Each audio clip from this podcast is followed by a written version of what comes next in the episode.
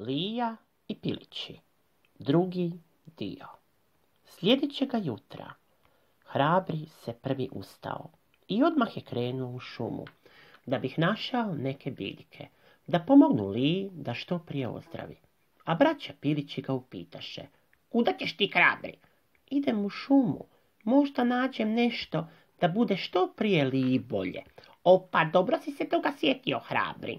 A što to planiraš da nađeš? Da bi Lija što prije ozdravila? A hrabri počne razmišljati. Kad se hrabri sjetio toga, reče na glas.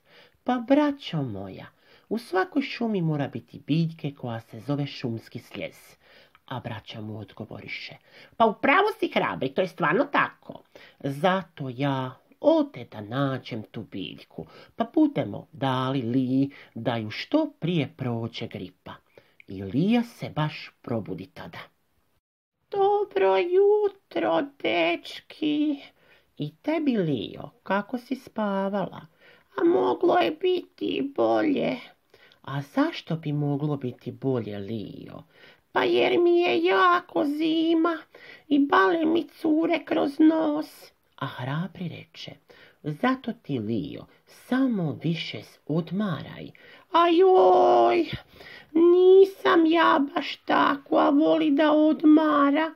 Ali moraš, Lio, da bi te prije prošla ta prehlada. A vas trojica, što ćete vi raditi, dečki? A hrabri reče, ja ode u šumu, pa ti budem doneo nešto da ti prije bude bolje. A tako znači hrabri, hvala ti za to. I Lija kihne dva, tri puta. A nas dvojica ćemo, Lijo, da ti pospremimo tvoju kuću, zato jer si nas lijepo primila kod sebe. O, pa to je jako lijepo od vas dvojice. Zato ti samo odmaraj, Lijo, reče hrabri, a vas dvojica prihvatite se posla, a ja ode po tu biljku da ju tražim, da bi li bilo bolje nego što je sad. Tako je Lija opet legla da bih odmarala i polako je zadrijemala, a dva pileta počela su da spremaju Linu kuću. Hrabri je krenuo da nađe tu biljku, da Lija što prije ozdravi. Hrabri je išao kroz šumu, išao kroz šumu i kad je došao pored jednog drveta, ugledao je na njemu nekoliko ptica, te upita ih. Ej, cure, da li bi mi htjele pomoći? A jedna će ptica njemu. A što ti, Piliću, nas trebaš za pomoć? A hrabri će njoj. Ima li tu šumskog slijeza za nabrati? A što će ti on? Odgovori mu ptica, jer mama moja je ozbiljno prehlađena, a tako znači, zato kreni za mnom, ja ti putem pokazala gdje ga puno ima, pa ti beri koliko ti treba da ti mama što prije ozdravi od prehlade. I tako je ptica pokazala hrabrome gdje uvijek ima šumskog slijeza za brati i da si može da bere koliko ga volja. Hrabri se zahvalio ptici, što mu je pomogla, pa je onda počeo da bere biljke sljeza, te je onda krenuo prema linom drvetu razmišljajući, da li će Lija pristati da uzima to što je on donosi i hoće li mu ona vjerovati da ju bude njena bolest prošla od toga što je hrabri doneo. Braća Pilići su polako pospremili Linu kuću, te su sjeli do Lino kreveta da odmaraju, čekajući hrabrog. Ilija se tad probudi, ugleda Piliće pored svog kreveta i reče. Ej, vas dvojica, a gdje vam je hrabri? Pa Lio, ti si se probudila? Da, jesam se probudila, a gdje vam je hrabri? Pa Lio, on je nama rekao da ide u šumu, da ti nešto donese, a nas dvojica smo pospremili tvoju kuću. I Lija ustane iz kreveta, prošeta po svoje kući, pa se vrati natrag. A pilići su je samo pogledali. Ona im reče, pa stvarno ste vi, dečki, meni moju kuću pospremili i puno vam hvala za to. Ma Lio, i tebi hvala što si nas dvojicu i hrabrog pustila u svoju kuću kod sebe. Ma u redu, dečki, a kad se hrabri vraća iz šume, Lija će njima. A valjda bude svakog trena došao Lio, a Lija će. Ja sam još dosta loše, dečki, idem da odmaram. I Lija opet zaspe. Nakon samo deset minuta hrabri je stikao u lino drvo. Posove tiho svoju braću, objasnim da je našao u šumi sljeza, da će to li pomoći da ju prehlada prođe, ali se jako plaši da Lija neće htjeti da to uzima, pa je on zbog toga jako zabrinut. A braća Pirići mu odgovoriše, a zar ti ptica nije objasnila što ćeš raditi s tom biljkom, da li bude što prije bolje? Ne, ne, nije mi ptica to rekla, braćo. A jedan pirić reče, pa hrabri, ja sam čuo da od biljki se rade prekrasni čajevi. Da, da, braco moj, upravo si ti. Puta moje skuhali svako jutro čaja od tih biljaka, pa Lija bude onda brže ozdravila. A treba će još puno tih biljki hrabri, da bi Lija od čaja brzo ozdravila. Pa rekla mi je ptica da mogu doći na to mjesto još puno puta i nabrati biljke. A nas dvojica hrabri sredili smo Linu kuću i saznali da Lija ima puno toga u svojoj kući. I ona je to pregledala, te moram ti reći da je zadovoljna kako smo je pospremili kuću. A gdje li ja, braćo? Ma Emno je u krevetu hrabri, spava, jer kaže da se jako loše osjeća. Idemo do nje, braćo. I onda su njih trojica došli do Lino kreveta. A Lija je baš tad počela da kašlje, pa ju je taj kašalj probudio. A hrabri će njoj. Lijo, jesi ti što bolje? A hrabri, ti si se vratio. Da, jesam, jesam, vratio sam se, Lijo. Ne, nisam ti ja bolje hrabri. E, zato sam ti ja doneo nešto, pa ti bude bolje, Lijo. A što je to hrabri? Od čega će meni biti bolje?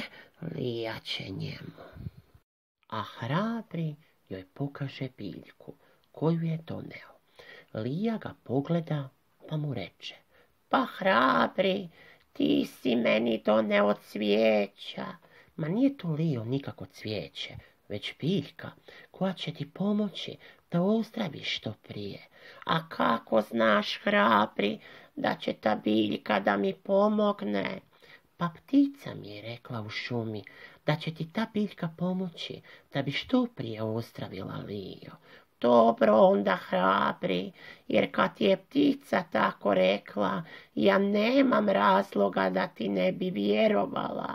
I hvala ti puno što si se sjetio i našao tu biljku, od koje će mene proći prehlada. A tvoje ime hrabri, o tebi govori dosta toga. Hrabri sav ponosan reče, Lio, svaki dan ću ti praviti čaj, da ti što prije bude bolje.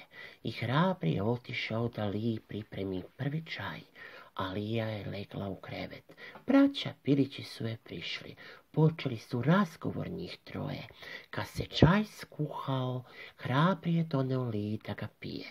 Kad je Lija popila čaj, tiho reče, Malo mi je toplije sada, dečki. A kad je tako lio, ti onda lezi, a mi budemo isto legli. Vidiš da je već sada mrak. I Lija je legla, te u trenu zaspala. Hrabri i njegova braća zaspali su isto, a novo jutro, kad je svanulo, hrabri se prvi probudio. Lija ga je čula, te mu kaže, dobro jutro, hrabri, pa Lio, i ti si budna. Da, jesam, jesam budna. A je li ti bolje? Moram ti reći, hrabri, meni je super. Pa otkud odjednom sad je super? pa taj čaj što si mi napravio sinoć, od njega sam super sada. I braća Pilići isto se probudiše. Jutro i vama dvojici dečki, reče Lija njima. I tebi Lijo, pa ti si već budna i to prije nas. Ne, dečki, hrabrije se probudio prije mene. A oni će njoj. Lio, kako se ti osjećaš? Pa zahvaljujući hrabrome i čaju, ja se super osjećam, dečki. E kad je tako, Lio, jako nam je drago zbog tebe. Lija se ustane iz kreveta i krene prema stolu svoje kuće a pilići su ostali u svojim krevetima. Nakon samo deset minuta Lija je donijela sok za sve njih i poslužila je piliće. A hrabri će njoj, Lijo, dobar ti je ovaj sok. Hvala ti, hrabri, a i čaj što si mi ga dao da pijem je super. I tad su svi oni se nasmijali u sav glas, a Lija će hrabrome, ej hrabri, Reci, Lio, slušam te, ti tvoja braća možete da ostanete kod mene koliko želite, jer od danas moja kuća je i vaš dom. Hrabri pogleda svoju braću pa im kaže, mislim, braćo, da smo našli nekog tko je bolji nego naša mama. A što je s vašom mamom bilo? Lijače hrabrome. Naša mama je znala samo spavati po čitavi dan, zato smo i otišli od nje. E pa ja ne volim da puno spavam, dečki. Pa Lio, to je onda za nas trojicu stvarno super, zar ne, braćo? Da, hrabri, tako je.